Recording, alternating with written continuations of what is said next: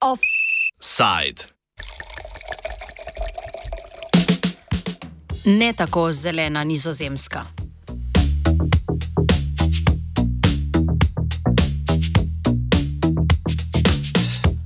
V soboto opoldne je podnebna aktivistična organizacija Extinction Rebellion začela blokado magistrale A12 na odseku med začasno stavbo nizozemskega parlamenta in stavbo Ministrstva za gospodarstvo in podnebje v Hagu. Od vlade zahtevajo, da takoj ukine vse subvencije industriji fosilnih goriv in napovedujejo, da se bodo na cesto vračali vsak dan opoldne, vse dokler zahteva ne bo izpolnjena. Protestniki so se na cesto vrnili tako v nedeljo, kot tudi danes, vendar v manjšem številu. Deset tisoč ljudi se je udeležilo blokade v soboto, v nedeljo pa nekaj sto. Podporne proteste je v soboto in nedeljo organiziralo tudi več okoljskih in podnebnih organizacij, med njimi Greenpeace, Milieu Defenzi, Fossil Vreje in Urhenda.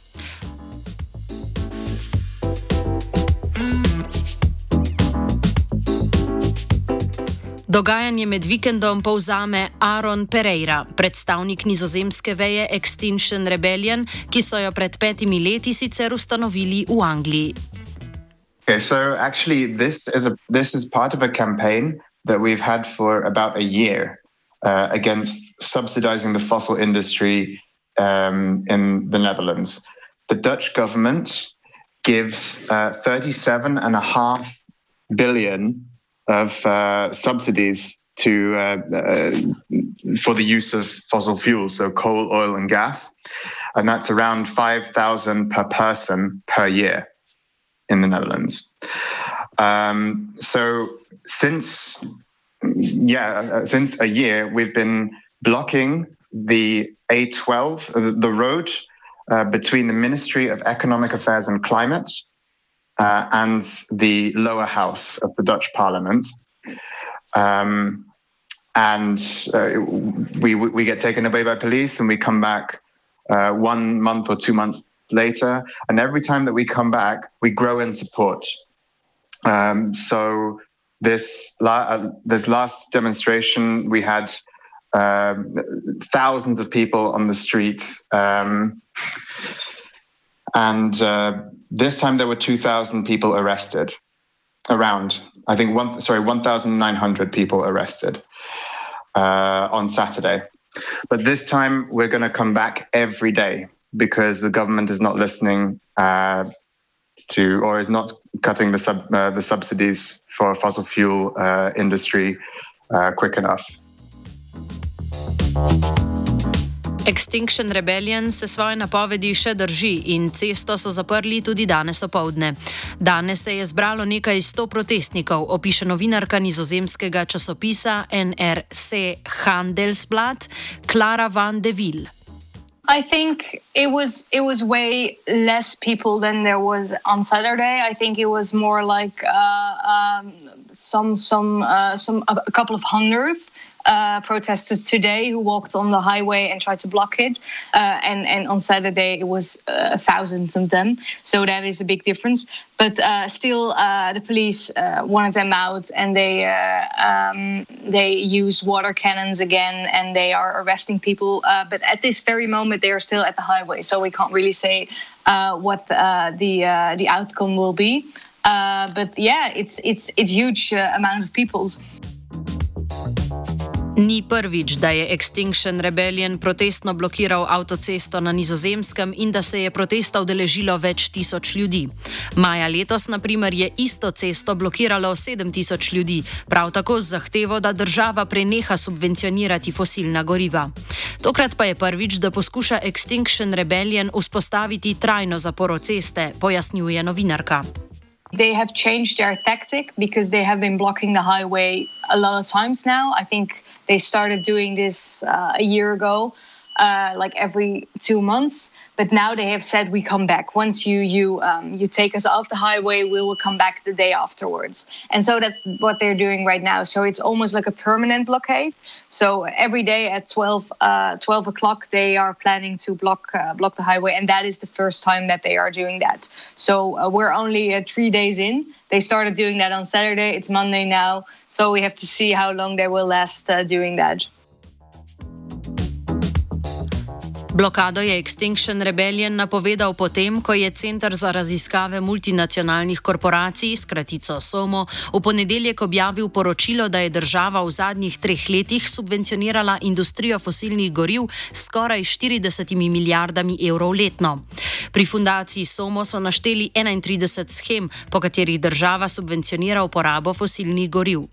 Po izračunih fundacije porabi država za proizvodnjo energije iz fosilnih goriv prek 5 5 milijard evrov letno.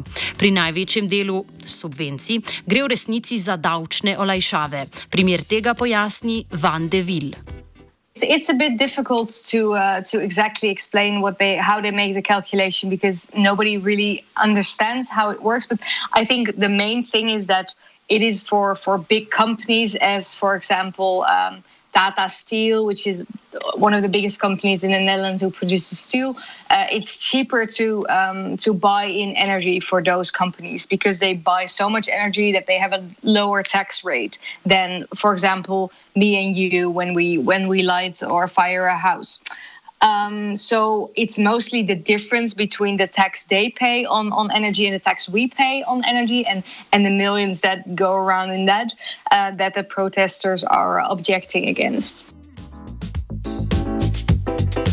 Fundacija Somo je v raziskavi ugotovila, da je dve tretjini zemeljskega plina, ki ga porabijo nizozemska podjetja, oproščenih energetskih davkov. Za velike porabnike plina velja nižja stopnja obdavčitve. V Extinction Rebellion zdaj zahtevajo, da država vse te subvencije, v resnici davčne olajšave, ukine. To, da od vlade pravzaprav zahtevajo zgolj, da izpolni lastne obljube. Jeseni 2021 je vlada Marka Ruteja, ki je zdaj že v odstopu, obljubila končanje subvencij. Subvencioniranja fosilnih goriv. In fact, the government promised in 2013 and in 2018 uh, that they would stop with fossil subsidies. So it is long overdue. It's 2023 now. And the point that we're making is we're in the middle of a climate crisis. Uh, our subsidizing of fossil fuels in the Netherlands affects people um, not so much in the Netherlands, well, in the Netherlands too, but in the global south, far more. 33 million people, which is more than the population of the Netherlands and Belgium together, um, were affected by the floods in Pakistan last year. 43,000 people died from a drought in Somalia uh, last year. And um, yeah, this year we've seen forest fires, we've seen floods, we've seen climate chaos. Um, it's the people in the poorer regions of the world, those uh, without the the the, um, the means to be uh, to be resilient to, to climate change, to the climate crisis, that are most affected, and this is completely unfair. And we don't think we don't want as uh, people from the Netherlands to be complicit in our government subsidizing this. Policija je med vikendom in tudi danes poskusila razgnati aktiviste z vodnim topom. Prvi dan jih je aretirala 2400, naslednji dan pa še 500. Večina je bila že izpuščenih. Pereira verjame, da je policijski odziv na blokado nelegitimen. Protestniki imajo, kot pravi, pravico do tovrstnega protesta po sodni praksi Evropskega sodišča za človekove pravice. Again, we saw this time um, mass arrests and water cannon. Um, which um, you know didn't really work. Um, we saw people just like last time. People were getting arrested um, and then released at the same time. Um, so that's what uh, that's how the the police responded. We would have. What we would like to see is that the police actually facilitates the protest, because this protest is a legitimate form of protest, um, as uh, as recognized in international law. The European Court of Human Rights has um, you know, confirmed that a that, that a peaceful road protest is a legitimate protest, and therefore we think that we're in our right to. Um, uh, yeah, to protest here. We think that po- the police should facilitate this protest, and instead, um, they are um, they're putting water cannon on us. Uh, they are uh, arresting us, sometimes quite violently, um, and yeah, this is disappointing. Odziv vlade na protest je neenoten. Ministrica za pravosodje Dilan Ješilges Segerjes želi protest zatreti. Ministr za energetiko Rob Jeten pa se je postavil na stran protestnikov. Tako Van de Ville. Especially since we're in a election campaign. Uh, there's lots of parties who are trying to like take position on on the demonstrations. Uh, we've had our uh, Minister of Justice who is really against uh, the demonstrations and who has also said that they will keep on well um, arresting people and that they this is not the way to go um, because it's illegal. She says, which is uh, difficult to say because the protesters have the right to protest. Um, they they chose their location. Uh, some judges have said that it is allowed to protest also on a highway, so it's difficult uh, to say whether it's illegal or not. Um, and the Minister of Energy, who is from a more left wing party, he has said that he completely agrees with the protesters and that he's working on phasing out the subsidies, that it, but that it takes a while. So um, you can't do that from one day to another. Um, so he, but he says that he supports their cause. So there is a big split in, in the government and this, definitely. Nizozemska velja za državo z relativno zeleno politiko, v čemer je vlada šla tako daleč, da je z namenom zmanjšanja količine izpustov toplogrednih plinov začela zapirati živinorejske kmetije. Leta 2019 je parlament sprejel podnebni zakon, ki glede na raven toplogre toplogrednih plinov iz leta 1990 predvideva zmanjšanje toplogrednih izpustov za okrog polovico do leta 2030. Pereira pa trdi, da je sloves nizozemske nezaslužen zaslužen in da zelena politika ostaja na ravni obljub. The Netherlands has a, a green reputation, but um, this is undeserved. Um, the Netherlands um, per capita contributes much more than the global average to global warming. That's um, undeniably true. Uh, like, I mean, uh, I could look up the figures for you, but uh, I don't have them right now. So we contribute more than the global average to, to um, to greenhouse gas emissions. Um, but 50% by the end of the decade is is too little.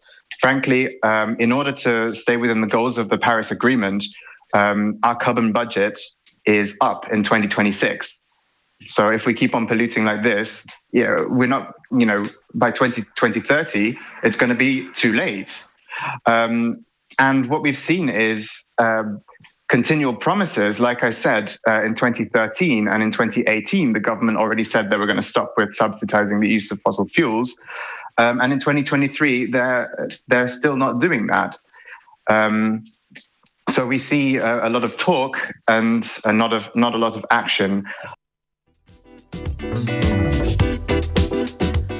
Od besed k dejanjem torej. Če tudi kampansko obdobje pred nizozemskimi splošnimi volitvami, ki bodo novembra, zato ni najbolj ugodno.